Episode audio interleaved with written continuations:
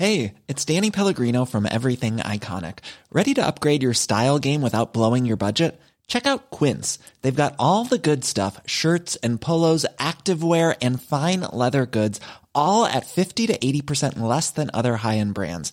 And the best part? They're all about safe, ethical, and responsible manufacturing. Get that luxury vibe without the luxury price tag. Hit up quince.com slash upgrade for free shipping and 365 day returns on your next order. That's quince.com slash upgrade.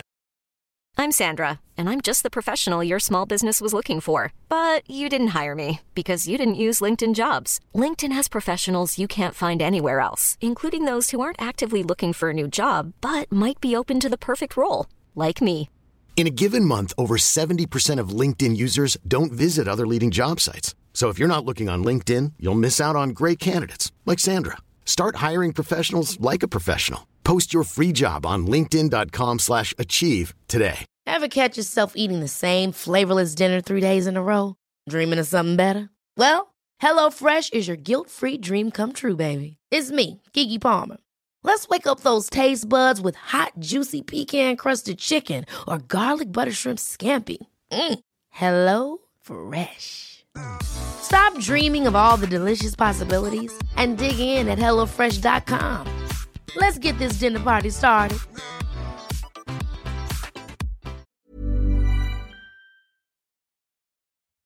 En stark företagskultur. Alla vill ha det. Och många tittar längtande på företag som Google och, och Apple, Spotify, Ikea, som alltid ligger i topp i undersökningar om vad folk drömmer om att jobba. Och vi andra som inte jobbar där, vi föreställer oss arbetsplatser där alla är superkreativa snillen, som samtidigt är superschyssta mot varandra.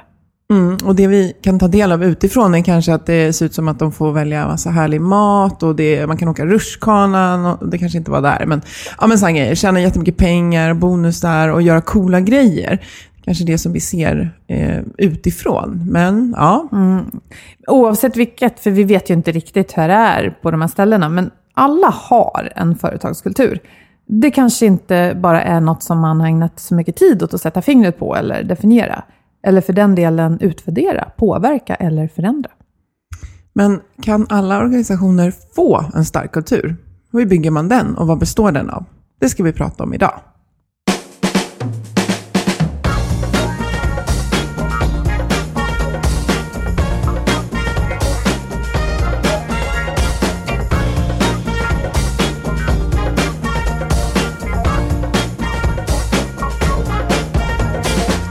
Du lyssnar på Health for Wealth, en podd om hälsa på jobbet. Trots att vi får det bättre och bättre mår många av oss bara sämre. Och så kan det ju inte fortsätta. Därför tar vi reda på hur företag och organisationer kan bygga långsiktig hälsa och lönsamhet. Och börjar vi på jobbet sprider det sig ofta även till resten av livet.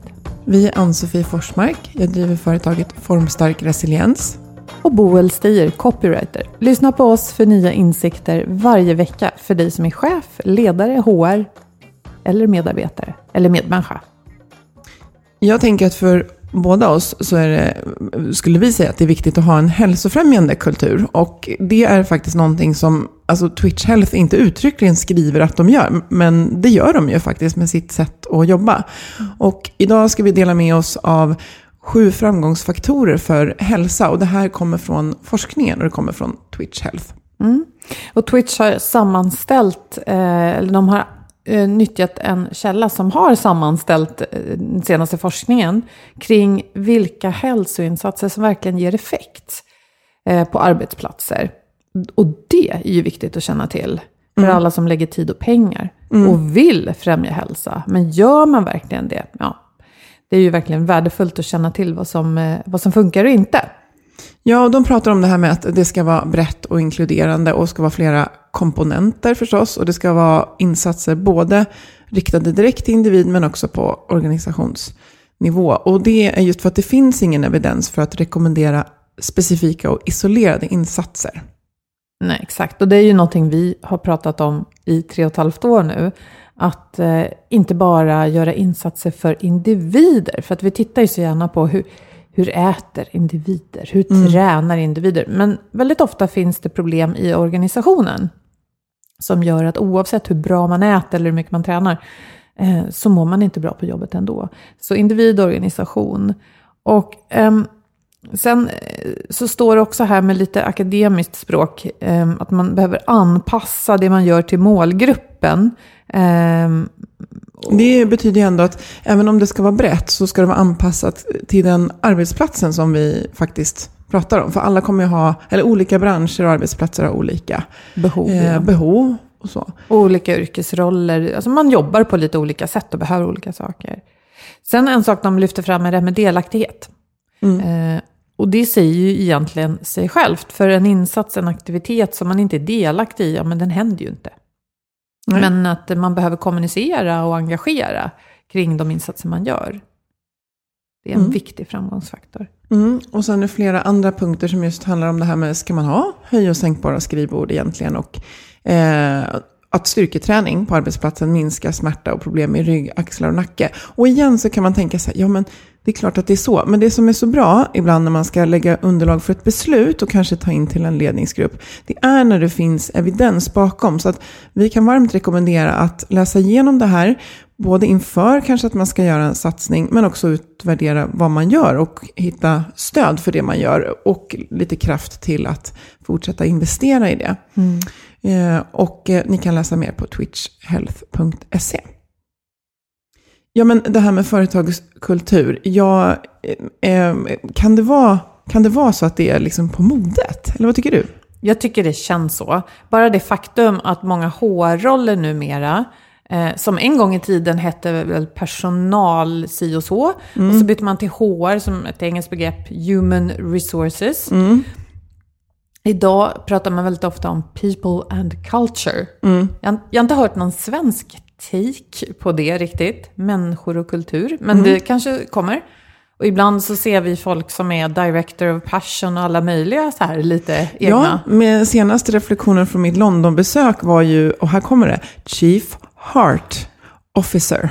Och när jag lyssnade till henne, hon var helt fantastisk, eh, så var hennes roll, det, det var, om man ska säga, tänk dig en, en HR som slipper allt det administrativa, tror jag, för det tror jag hon har stöd till, och istället har ett kontor med liksom lite stolar och bara möter alla medarbetare. Eh, Men jag tror att det här var ett amerikanskt bolag, no surprise. Jag tror inte att vi kan ha en Chief Heart Officer kanske på... Hjärtchef. Ja. Mm. På något sätt låter det inte lika coolt på svenska. Nej, det, det kan vara svårt. Lost in translation. Mm. Ja, eller så här passion, ch- chief of passion. Jag tänker vilken börda att gå omkring med en sån titel. Mm. För eh, även om jag är liksom chief of hearts, Mm. måste väl jag få dundra in på jobbet lite sur och vresig någon gång? Nej, jag får stanna hemma, det går inte. Kultur. Men jag tänker också på det där med att eh, kultur, vilket vi kommer komma in på, är ju väldigt eh, någonting som alla måste bära. Och ehm, okej om man har en liksom, parkeringsvakt, då är det så här, ja, jag behöver inte springa runt och gnälla på fel parkerade bilar, det tar vakten hand om. Men vad gäller kultur så, ja, det kanske, det, det kanske är jätteviktigt att det är någon som har lys på det. Eh, och jag tänkte vi hade Frida Lund här, hon, hon heter ju, hennes roll innefattar ju just culture. People and culture. Ja, Mm. och jag kan, tänka mig, jag kan inte tänka mig någon bättre person i den rollen. Men jag tror ändå att man måste, och på, på flera andra arbetsplatser, inte tänka att vi tillsätter någon som är kulturansvarig. Och utan- nu är det klart. Ja. liksom. Ja. Nej, nej, men det är ju jättekonstigt. Mm. En person kan aldrig Nej. styra hela kulturen. Och det är Men- inte så de, man menar tror jag. Men, men, men lite, lite så här, semantiken blir intressant. Mm. Ja, och att någon är ansvarig för frågan kan ju vara bra. Och, men det kan kanske också vara en bromsfaktor för att det ska sippra ut och liksom, eh, ja, eh, till hela organisationen. Men eh, jag tänkte lite på det här att företagskultur är ju trendigt. Det skulle jag vilja säga. Och samtidigt är det ju ingenting nytt. För att eh, redan på 80-talet minns jag när eh, Jan Karls, Janne Karlsson som sa- Revpyramider. Mm. Exakt! Hans bok Rivpyramiderna som handlar om hans syn på ledarskap och vad han gjorde på SAS då på 80-talet. Den har, alltså, den, jag tror att den är översatt till så här 33 språk och en storsäljare än idag. Det är intressant. Ja. För jag tänker att då handlade det om, så som vi såg det då, så var det någon slags eh, transformation. Så det är alltid transformation på gång på ett eller annat sätt. Men då var det lite mer tydligt från industrisamhället in i tjänstesamhället på riktigt. Och, och det han gjorde var att sätta människor i fokus. Och det är ju väldigt viktigt om man jobbar med kultur. Så att hans, hans transformation var en kulturtransformation. Här var det mycket service man pratade om och att sätta kunden i fokus. Ska vi prata om kultur behöver vi också sätta medarbetare i fokus, men det tror jag ingick i hans omvandling. Men det här var revolutionerande på sin tid. Eh, samtidigt som att det här att ha en tydlig vision som alla ska förstå och vara delaktiga i och en kultur som är kärleksfull snarare än rädslostyrd. Det kämpar ju bolag med organisationer än idag. Mm. Ja, men jag tänkte när, när du beskrev det här, så eh, om man tänker då att det var inte, jag tror vi pratade om det innan, det var inte lika viktigt med kulturen när arbetet vi utförde var mer, ja, men det här med flyt, flytta lådor liksom med mm, händerna. Mekaniskt. Ja, men när arbetet vi utför handlar om de interpersonella eh, relationerna, då blir kulturen jätte, jätteviktig. Men den blir också en produkt av alla de lagar och regler som vi måste följa, som kommer prägla våra beteenden. Mm. Och där är det såklart så att olika branscher har olika behov. Alltså vissa behöver ha en säkerhetskultur, för det är liv och död. Och vissa, eh, ja, det vore bra om de hade det, men det är inte livsavgörande. Om man, alltså, jag tänker på din typ av jobb just nu. Det är ju det, det, är ju inte någon som dör om ni gör, ja jag vet inte. Men, men det är liksom, Nej, så, än så länge nej. har ingen dött för att nej. Eh, en kampanj inte går så bra som man önskar. Nej, men ni är väldigt eh, beroende av att vara kreativa, nytänkande och kundfokuserade. Och vilken kultur ni har hos er kommer ju antingen stötta det eller tippa det. Men det betyder inte att det är lätt att få till den. Nej, och det kan ju vara livsviktigt inom citationstecken för ett varumärke ändå, hur ja. man kommunicerar. Absolut. Um, men det är intressant att du säger om olika, uh, liksom olika områden, olika branscher. I, i, inom IT pratar man just nu mycket om något som heter DevOps som står för Developers och Operations, alltså olika delar av en typisk IT-organisation, där utvecklare står för ja, men att, att eh, ja, tänka, skapa nytt och, och liksom få ut det på marknaden snabbt. Medan operations, då, infrastruktur, eh, är lite mer så här, men vänta lite, nu tänker vi efter här och, och gör vi rätt saker, blir det här säkert och kommer det faktiskt att funka? Och, och just nu brottas många IT-organisationer med att få ihop de här två kulturerna till en. För båda synsätten behövs, men de får ju inte hindra varandra för det gynnar ingen. Nej. Och det är faktiskt en ganska intressant brytpunkt när det mm. gäller kultur. Mm. Så att det är inte alltid så lätt att få till. Eh, och, och, vi vet ju att, ja men som myndighetsvärlden där man måste följa mycket lagar och regler och inte bara kan hitta på enligt eget huvud där är det ofta risk för att det blir rädslostyrt istället för kreativt. Ja, men jag tänker också även i en, eh, en, eh, en konsultorganisation där man, eh, vad ska man säga, där man avancerar på lite dåliga mått. Alltså där det är, jag är, jag är rädd att göra misstag för då kommer inte jag få ta mig vidare i den här organisationen. Det här har vi pratat om i avsnittet om misslyckanden. Att eh, om vi har en kultur där misslyckanden leder till att jag inte jag kanske får vara kvar eller inte får liksom utvecklas på det sättet jag vill. Då är ju det också rädsla, även om det inte är någons liv som står på spel. Men mitt, min utveckling står på spel och också eh, ja, men gamla tröga liksom, hierarkiska strukturer och bara folk som beter sig illa. Men sen tänker jag också på det här med att många är, upplever liksom stress och vi är väldigt kortsiktiga och det är vår liksom gamla hjärna som är på jobbet, den föder också en kultur som, som inte är, oftast är den som, som de här värdeorden på väggarna vill ha. Eh, utan mycket tänker jag att kulturen också präglas över hur stor möjlighet vi har på jobbet att vara i vår liksom frontallob här framme. Mm, absolut, och det är ju det som bland annat du jobbar med hela dagarna när du är ute och mm. hjälper företag. Hur kan vi liksom skapa det utrymme vi behöver för att den här hjärnan som ofta är det vi säljer ska kunna vara ja, men högpresterande egentligen. Mm. Fast det låter lite hårt och samtidigt mm. är det väldigt snällt. Ja.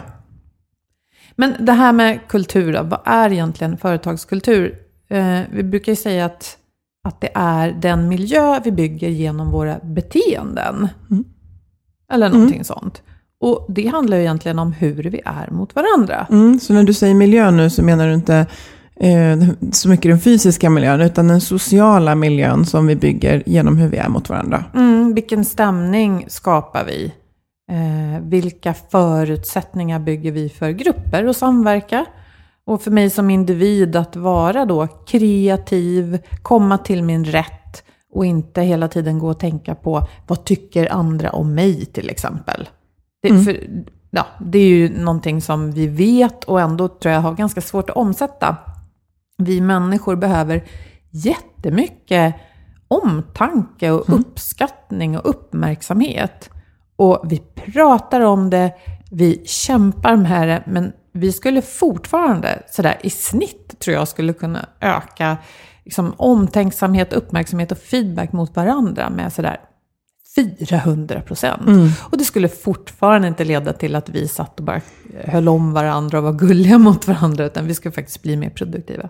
Absolut. Absolut. Men det här med kultur då och beteenden, de grundar sig i någon typ av normer och värderingar som antingen finns uttalade eller som, som existerar i mellanrummen som ingen har satt fingret på men som faktiskt är etablerade sedan lång tid kanske.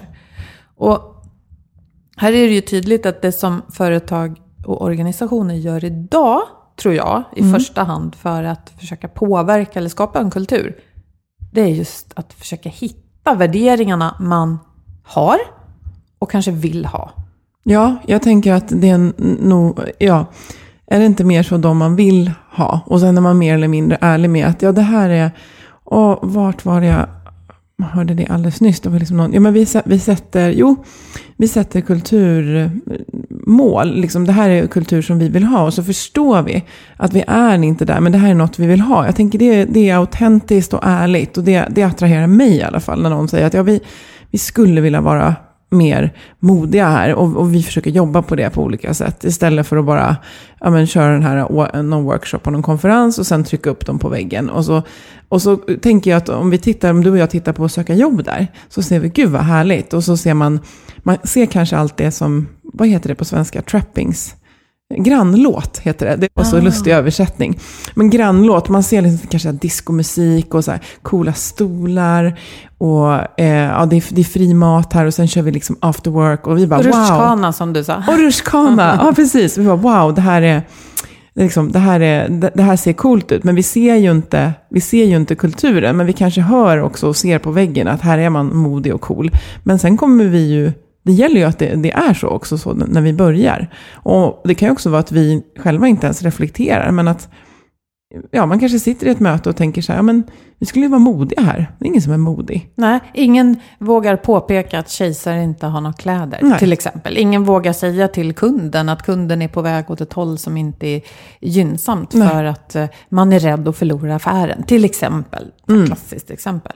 Och då tror jag att man måste ha pratat om, och de som är ledare och fattar besluten måste ha verkligen uttalat i ord att man får utmana en kund. Och man får, om det står viktiga saker på spel, göra det på ett sätt som faktiskt kan riskera affären. För att man tror att man vinner på det långsiktigt.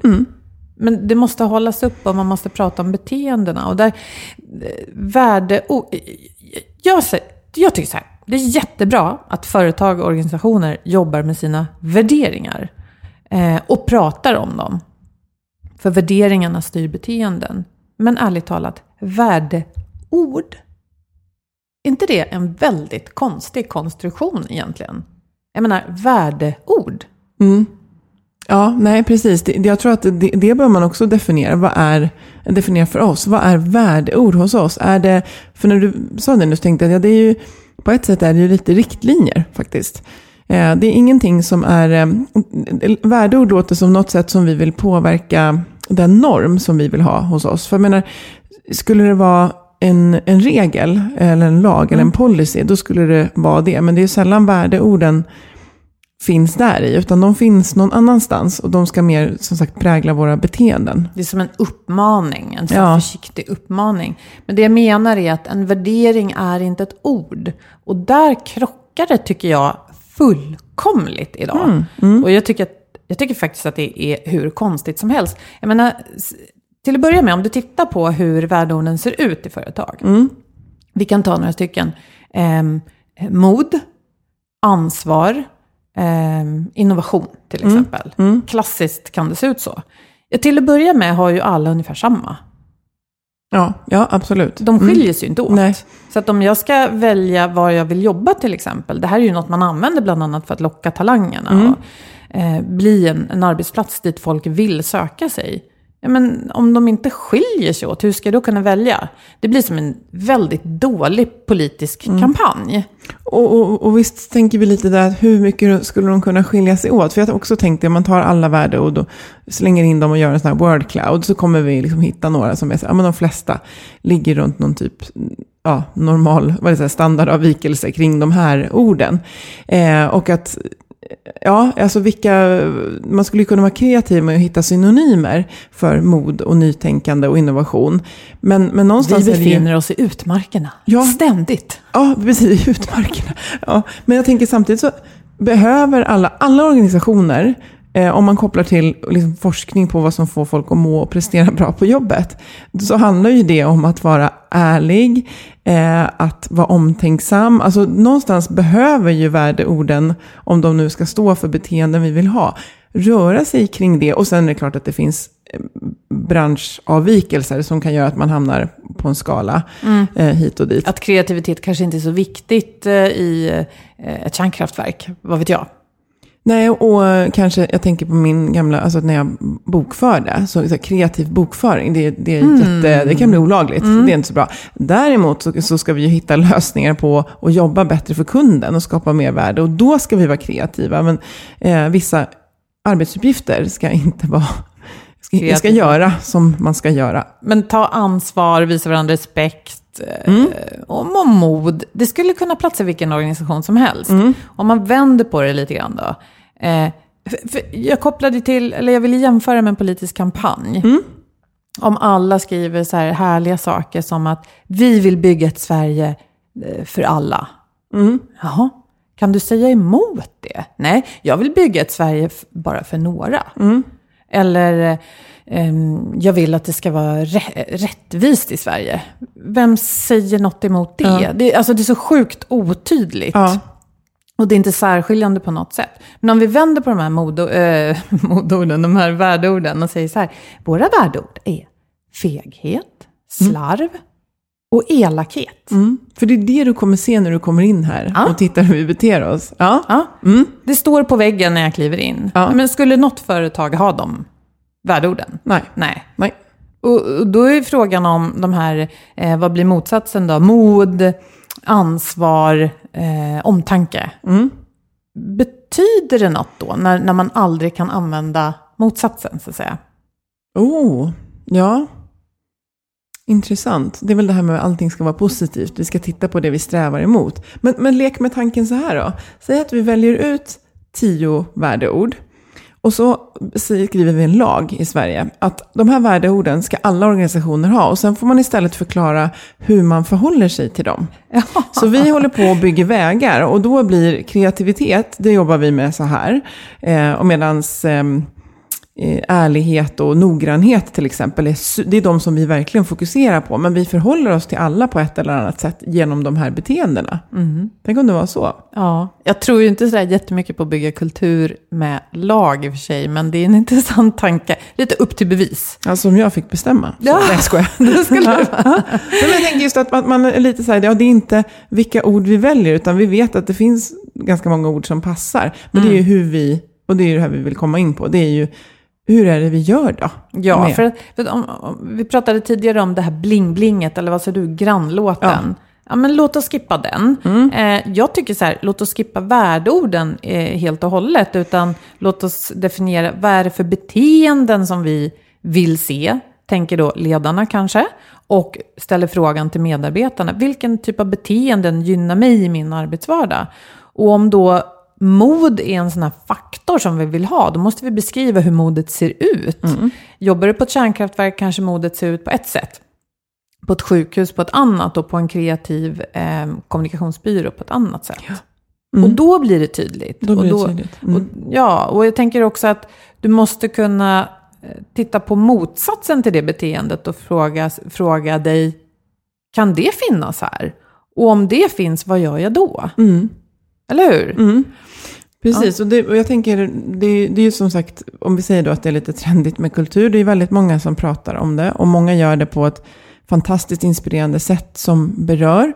Eh, men jag tänker att i slutändan, när man går ut för en sån föreläsning till exempel, så, så behöver man säga, jaha, och hur gör vi vår kulturförflyttning? För att är den perfekt, om man är så här, vi är så nöjda med vår kultur, så är den fortfarande väldigt dynamisk. För så fort du tar in en ny anställd, eller någonting händer, så påverkas kulturen. Så att man måste ju såklart jobba med den hela tiden och mata den. Mm. Eh, men om man känner så här, nej men vi vill göra en kulturförflyttning, mm. då är det ju... Att bygga rutschkana. Ja, bygga rutschkana, ja. precis. Eller så är det till exempel, hur beter vi oss på nästa möte som vi har? För där kan vi både uppvisa mod, ärlighet, omtänksamhet. Och man säger ju att möten är den starkaste kulturbäraren som vi har. Och då pratar jag inte bara möten när jag mejlar dig i kalendern och vi bokar in, utan jag möter ju dig i dörren, mm. vid kaffeautomaten, på konferensen, tillsammans på ett uppdrag. Alltså i alla möten med varandra så kan vi mata kulturen eller skälpa den. Mm. Så precis som du säger, vad gör, vad gör vi? Vad ja. är beteendena? Och här är det ju ganska härligt att alla har inte bara ganska mycket makt, utan väldigt mycket makt skulle mm. jag säga. Så var en står för ord på väggen, eh, vad det än finns för eh, fluffiga värderingar som simmar omkring någonstans på ett intranät, till exempel, mm. så kan alla göra en del saker i de här mötena som får faktiskt väldigt många ringar på, på vattnet. Jag vill gärna rekommendera, som jag har gjort i något tidigare avsnitt också, en bok som heter The Culture Code av Daniel Coyle. Mm. Här kan man bland annat läsa om de här beteendena som verkligen förändrar och påverkar. Mm. För eh, vad han pratar om bland annat är, han beskriver en situation, eh, ett möte, eh, där en enda person, som inte i det här fallet är någon chef, tror jag, bara genom sitt sätt att lyssna och vara närvarande på mötet får eh, vänder resultatet från noll till massor. Och det handlar väldigt mycket om att faktiskt vara närvarande mm. i de här mötena. Mm. Det är inte svårare än så. Nej. Och samtidigt, att vara närvarande kan vara en utmaning oh, ja. så som vi har det. Mm. Som våra hjärnor mår, så kan det vara svårt. Men eh, det pratar jag ofta om när jag föreläser, att när man just där sitta på ett möte, där man antingen abdikerar och smyger upp telefonen, eller så bara, nu jäklar, kavla upp ärmarna och bara, nu ska, nu ska det här mötet bli bra, för annars är min tid förslösad och alla andras tid också. Men här pratar du om att just visa närvaro och, och liksom lyssna och låta andra kanske komma fram. Ja, framförallt, alltså, dels ska vi ta det här med mobiler och skärmar och allt vad mm. det är. Då. Att ett, ett riktigt bra möte, eh, då behöver du lägga undan dem. Mm. Varför är vi annars i rummet? Då kunde vi bara messa liksom. Ja, men lite mm. så. Um, och um, Daniel Coyle som är författare till den här boken, han beskriver någonting som kallas för tillhörighetssignaler i boken. Och det är ingenting som han själv har hittat på, utan han har fått dem bland annat från en MIT-forskare som heter Alex Pentland, som har mätt interaktioner i grupper väldigt intensivt, jag tror var femte sekund, och hittat, väl, hittat väldigt tydliga mönster i framgångsrika grupper. Så att det ska, vi ska vara tydliga med det här att vi, när vi bygger en stark kultur så bygger vi inte bara en härlig känsla och värme och omtanke och allt det här, vi bygger också faktiskt produktivitet och effektivitet. Allt det här som alla eh, ledningsgrupper, styrelser, företagsledare vill ha och som Janne Karlsson då uppenbarligen hade fattat även på 80-talet. Tillhörighetssignalerna, det handlar om det här som jag nämnde, att vi skulle kunna feedbacka och rikta vår uppmärksamhet mot varandra eh, liksom 400% mer än vad vi gör idag. Och fortfarande skulle det inte vara för mycket. För vi människor är hårdkodade för att vilja tillhöra. Och det har ju med vår... Att vi är flockdjur. Mm. Vi, behöver, eh, vi behöver få signaler om mm. att vi hör till. Men det är också, och det är också så oavsett, jag tänker de flesta verksamheter vi har idag, så är det också så att hjärnan tillåter inte så mycket annan Eh, kreativ, problemlösande, nytänkande aktivitet förrän jag känner att jag hör till. För det måste jag säkra först. Jag måste säkra att jag som liksom i den här gruppen känner att jag nu är jag här och jag hör till och jag har, eh, det finns ju en akronym som eh, heter SCARF, alltså sta, status, eh, certainty, nu kommer jag inte ihåg dem just nu. Autonomi. Autonomi, relatedness och fairness. Alltså det är rättvist här inne, jag hör till, jag kan påverka. Och det här är ingenting som man tänker, oj, vi har timmes möte, vi lägger 20 minuter på tillhörighet. Utan man kan sätta det, har man satt det, alltså sitter det, så, så behöver jag bara bekräfta det när vi ses. Att så här, men Boel, hur gick det igår? Och sådär. Eh, men att på något sätt, om man leder mötet, så det bästa du kan göra för att få mötet någonstans, det är att, alla känner, att man ser till att alla känner sig sedda. Eh, så det, det, stämmer ju väldigt bra med det här som eh, Pentland just beskriver också. Eh, och, och, jag tänkte det här med fysisk närhet. Jag, jag som har ett, alla är vi olika. Jag har till exempel ett ganska stort avstånd till människor. Alltså jag, jag, jag skulle upp jag skulle vilja se mig själv som en varm person. Men jag blir jättestressad om folk står för nära. Så jag vet att han pratar om det här med fysisk närhet. Och det måste man också känna av. Eh, en del är ju väldigt touchy-feely. Eh. Ja, och olika kulturer, mm. alltså över världen, har olika liksom, normer för, jag menar, står du, en, står du med en centimeters mellanrum eller står du med 30 eh, mm. decimeter, alltså liksom, det kan skilja ganska mycket. Men fysisk närhet, naturligtvis med respekt för att, alltså det är inte så att man ska hålla på och hångla på mötena, det är inte det. Det finns ju norm... Va? Va? Blev du besviken nu? Är inte det ett ganska snabbt sätt att liksom riva barriärer? ja, men då river man mycket annat också. Det kan bli väldigt problematiskt. och det, det, är faktiskt lite spännande eh, att läsa om de här signalerna, för att det, det närmar sig ofta beskrivningar av förälskelse. Mm. Men jag tycker att det kan vara något att ta med sig. För att det förälskade paret kan vara en bild som, som man kan ha med sig. Jag kan mm. återkomma till det. Mm. Mm. Men eh, det här med tillhörighetssignal i alla fall. Eh, ögonkontakt.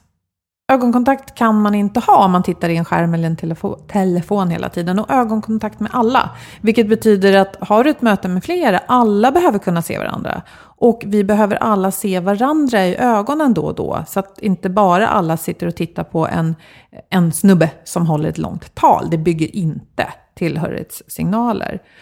Eh, och att samtalen i någon mån är, liksom så här, eh, det är täta, korta interaktioner. Eh, ingen håller alltså långa tal. Eh, alla pratar med alla. Det är också ovanligt att avbryta. Så att det är inte någon som sitter i det här rummet som hela tiden tycker att han eller hon har rätt och behöver lägga ord i munnen på någon annan. Eh, och en annan sak, intensivt och aktivt lyssnande. Till exempel om du och jag sitter och har ett bord emellan oss. Det är inte fel att jag lutar mig framåt då och då. För vi, mm. och det här gör vi ju naturligt när vi är intresserade. Och här kommer det förälskade paret in. För när vi är förälskade, eller förvisso bara väldigt nyfikna på varandra eller gillar varandra, då vi lutar oss framåt mot varandra då och då när vi pratar. Vi tittar varandra i ögonen och söker varandras blick för bekräftelse för att se liksom, hur reagerar du på det jag säger.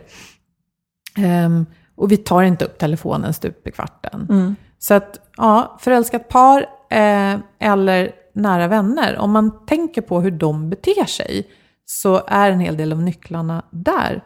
Och, och också sådana här små vardagliga, artiga beteenden som att hålla dörren för varandra. Mm. Mm.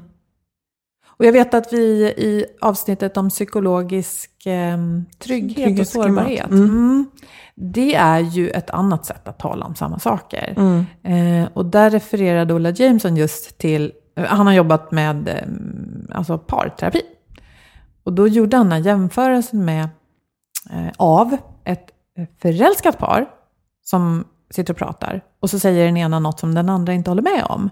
Då lutar sig den andra fram ännu längre och säger, men vad spännande, vad sa du nu? Hur mm. tänkte du nu? Berätta. Mm. Medan ett par som vill ansöka om skilsmässa, mm. där sitter man med armarna i kors, vänder från varandra. Mm, och bara, där hör du. Ja, mm. han, han hon. Ja, hon låter så här hela tiden. Ja, idiot. Ja.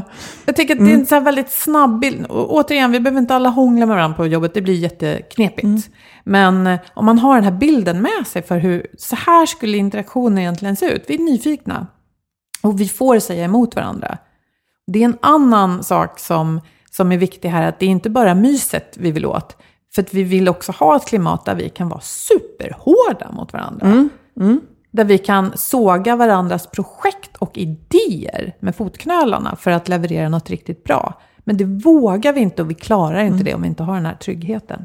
Nu kommer jag inte ihåg vem det var, men det var också någon, någon han har skrivit en, Ray, Ray, ja oh, herregud, man ska inte börja säga när man inte kommer på namnet. Fast man men han har skrivit boken, podden. boken Principles han skrivit. Och han, han har ju byggt, han heter Ray förnamn och börjar på D, på slut, efternamnet. Han har en, eh, en kultur som han beskriver som att, alltså han höll något möte och, och en av medarbetarna liksom hörde av sig sen och skrev, för de har en öppen liksom, chatt då där man får ge varandra rak feedback. Och han skrev, du får liksom en D minus i betyg på det här mötet. Och verkligen med så här glimten i ögat. Du var inte förberedd, du höll dig inte till agendan.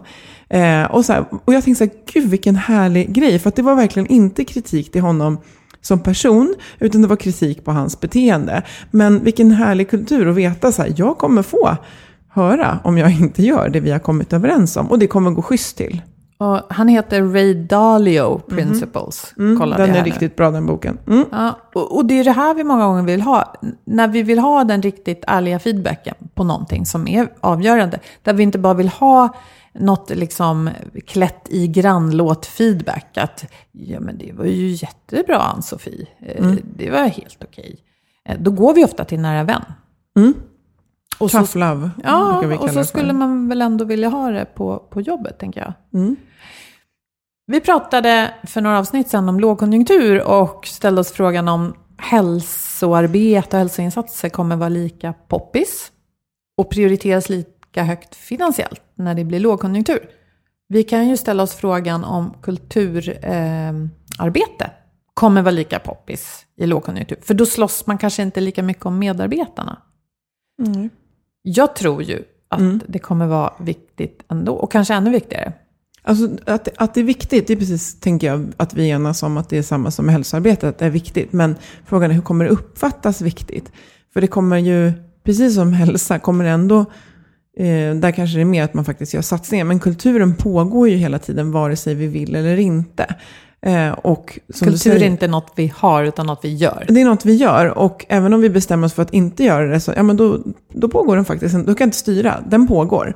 Eh, du kan styra hur den pågår men du kan inte styra om den pågår. Utan kulturen byggs antingen av oss eller så liksom blir det som det blir lite grann. Och det är inte alltid så vi vill ha det. Så jag tänker att en förståelse för att vad behöver vi lägga extra krut på om det är lågkonjunktur och många då upplever större oro till exempel. Vad, då kan ju kulturen verkligen få en roll eh, i att skapa lugn till exempel. Ja, och säg att det går dåligt, säg att pengarna tryter och företaget står på, på eh, randen till eh, konkurs, vad vet jag. Ja, men då gäller det verkligen att kabla upp ärmarna och göra det som är viktigt. Och inte lägga till tid på fel saker. Och hur ska alla plötsligt veta det? Ja, men har man en tydlig vision, ett varför som vi ofta pratar om, så är det förstås det som kulturen ska bygga på. Och du brukar ofta prata om det här begreppet VUCA. Och det är väl en, ett, ett sätt att säga att världen idag, tycker vi i alla fall, är V-volatile. Volatile, uncertain, complex och ambiguous. Alltså den är, den är svårberäknelig och liksom motsägelsefull. Och det är så det är. Och snacka om att det då kan kännas skönt att komma in på en arbetsplats där ja, det, det är storm där ute. Liksom. Men, men här, här, här har vi ett lugn i stormen. Liksom, I och med hur vi beter oss mot varandra. Men jag, jag tänker på en sak att ehm, kulturen är ju ändå, den bärs ju av människorna. Eh, så det gäller ju verkligen att se till att man anställer rätt personer. De behöver ju inte komma in, kanske jätte, om vi säger att mod då, som vi pratar mycket om.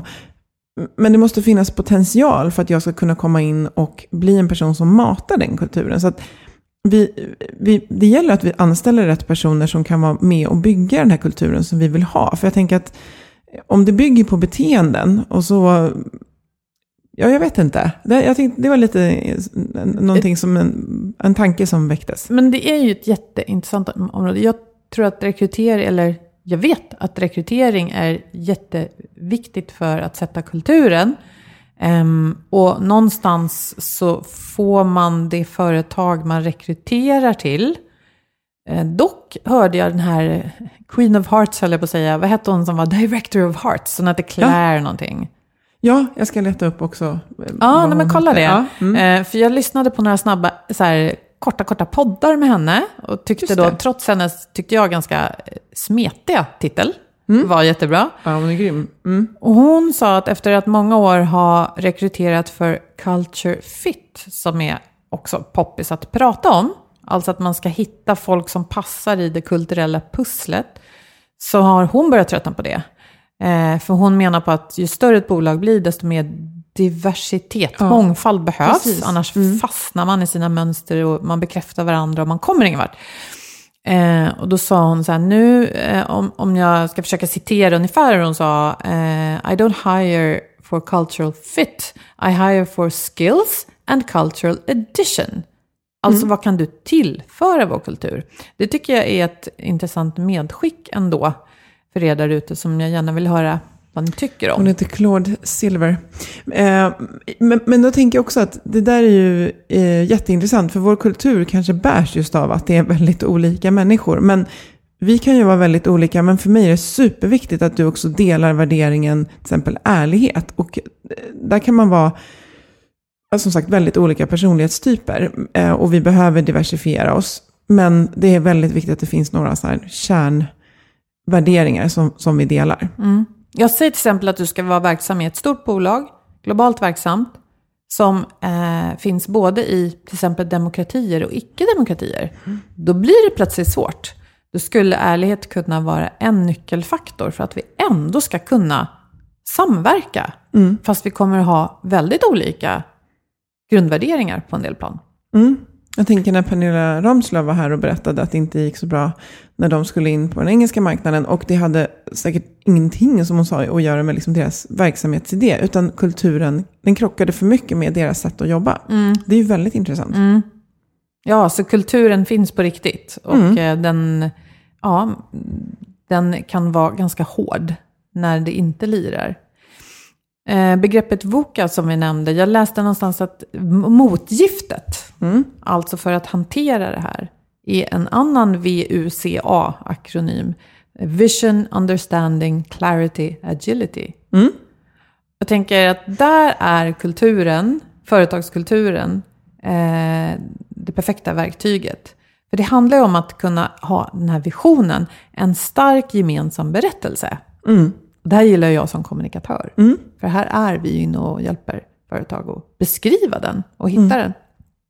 För med den kan man få den förstå, alltså varje medarbetare kan då förstå, få den förståelse som krävs för att inte bara läsa ett antal ord som står på en vägg, värdeord, utan att faktiskt greppa vilka beteenden man förväntas leverera och använda för att skapa en gemensam miljö. Och för att ge den här klarheten i det stora som gör att man kan vara fri i detaljerna. Just det, mm, det var fint. Det var nästan filosofiskt. Det kan man nästan sätta på väggen tycker jag. Ja, något sånt kanske. Ska vi enas om det? Att det vi sätter på väggarna är snarare en berättelse om hur, vad vi vill skapa och hur vi beter oss än en enstaka ord. Mm, och sen, jag tänker det, det vi har pratat om nu, det är verkligen, jag skulle inte säga högt och lågt, utan snarare vitt och brett och djupt och eh, visionärt och detaljerat. Men att i slutändan så är, eh, jag, gillar ju Seth Godin som har skrivit en bok som heter Tribe, så han säger, eh, han beskriver kulturen lite, people like us do things like this. Alltså det är också ett sätt att, och att man faktiskt kan ha en väldigt stor påverkan på kulturen om bara några minuter, alltså när man stänger av det här poddavsnittet, eh, så kanske man ska gå in genom dörrarna på jobbet eller vad man nu gör. Man kanske är på väg från jobbet och tänkte dra det där sista mejlet och så bara lägger man det i utkast och skickar det imorgon. Alltså, det är, ju, det är ju där vi måste börja om vi vill göra en kulturförflyttning. Och jag tänker att jag tror att du och jag, vi brinner väldigt mycket för att prata om och det här konkreta i hur man faktiskt gör en kulturförflyttning. Eller en kulturhålla-iande om man känner att vi har en så himla bra kultur, hur ska vi hålla i den här? Och hur ska När vi vi faktiskt... växer till exempel. Ja, ja precis. Eller när, när lågkonjunkturen slår till. Eller när vi ska etablera oss på en ny marknad för den delen också. Ja, för att det, är, ehm, det går att inspireras av väldigt många organisationer, men i slutändan så är det den kulturen som du finns i som, eh, som står dig närmast och som du har möjlighet att, att påverka. Mm. Och om, om vi ska uppmana till någonting eller något som det skulle göra mig glad om du som lyssnar på det här känner att du är lite extra inspirerad att när du träffar din kollega eh, eller dina kollegor, tänk på den här eh, nyfikna bästa vännen, eller förälskade paret för den delen. Eh, använd dina ögon Mm. och, och se på dina medarbetare, dina kollegor. Låt dem komma till tals och luta dig gärna framåt en extra gång och fråga, nej men vad intressant, hur menar du nu? Mm. Och verkligen lyssna. Precis. Ja. Mm. Mm. Kultur, Ja. också ett ämne som vi kommer tillbaka till. Ja, det hoppas vi. Eller hoppas, det är vi som bestämmer. Vi gör det. Ja, Vi det är klart vi gör det. det. Ja. Ja.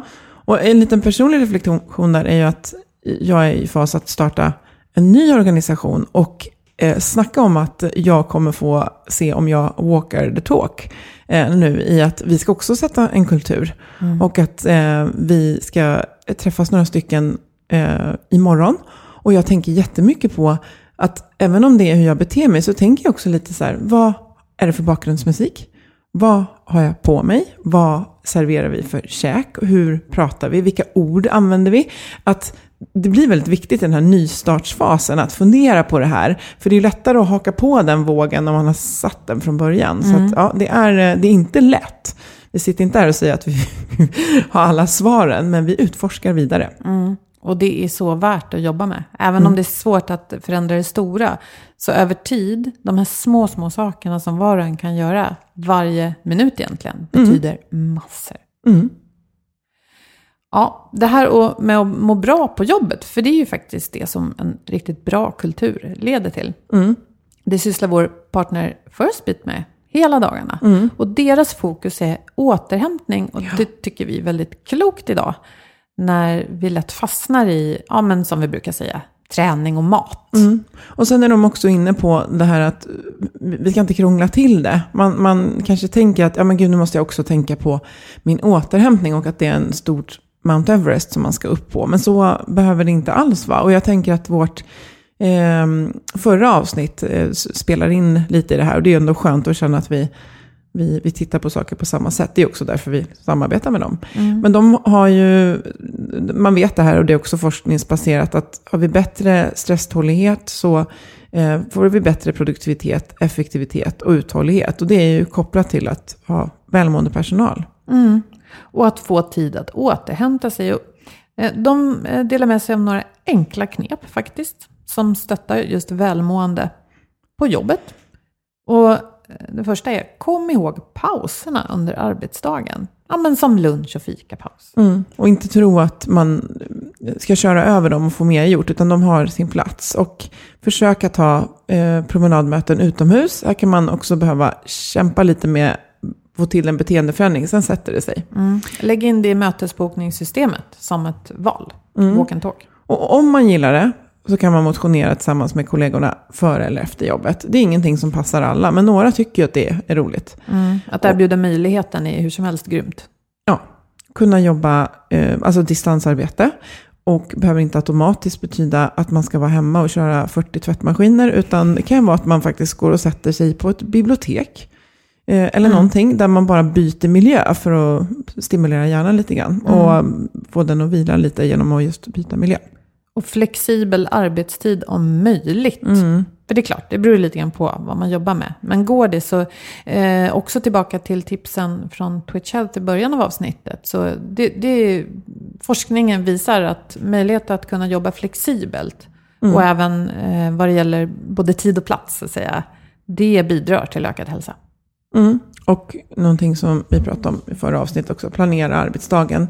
Eh, just därför att det skapar kontroll och det ser också till att vi gör rätt saker. Mm. Och just det, det lönar sig också att börja med de mer krävande uppgifterna i början av dagen. För forskning visar att man jobbar mer effektivt på morgonen. Ja, men så bra att vi spelar in den här Poddar på podden ja. jättetidigt på Eat the tisdagsmorgnarna. frogs first säger man på engelska. Äta grodor tidigt. Eh, Då det har gör vi också rätt pratat då. om tidigare. Ja, Ja. precis. För det känns inte som att käka groda när vi poddar. Det Inte känns alls. mycket roligare. Det känns som att äta tårta. Eh, Eller något sånt. ja, men andra saker. Jaha, vi kan nog båda komma på, och våra lyssnare också, arbetsuppgifter som känns som att lite så här äta en groda. Och eh, då kan man göra dem tidigt, för det känns så skönt när de är klara och det funkar bra för hjärnan också. Vi lägger en länk i inlägget som vanligt. Ja, och så vill vi gärna höra vad du har för tankar om det här med kultur. Ska vi skrota värdeorden? Eller vill du ha feghet och elakhet på, på väggen där du jobbar? Hör av dig till oss och berätta vad du tänker. Mm. Så tam- tackar vi våra samarbetspartners Twitch Health och First Beat och Agda Media för den här produktionen. Dela gärna våra avsnitt. Varför inte så här, jag gör ju det till dig ibland. Jag bara går in på avsnittet och så drar jag iväg det till dig och så här, lyssna på det här. Så. Det, är en, det är en schysst grej. Mm. Gör det till en kompis som du tror behöver lyssna på det här. Mm. Ta hand om er. Må så gott. Hej då!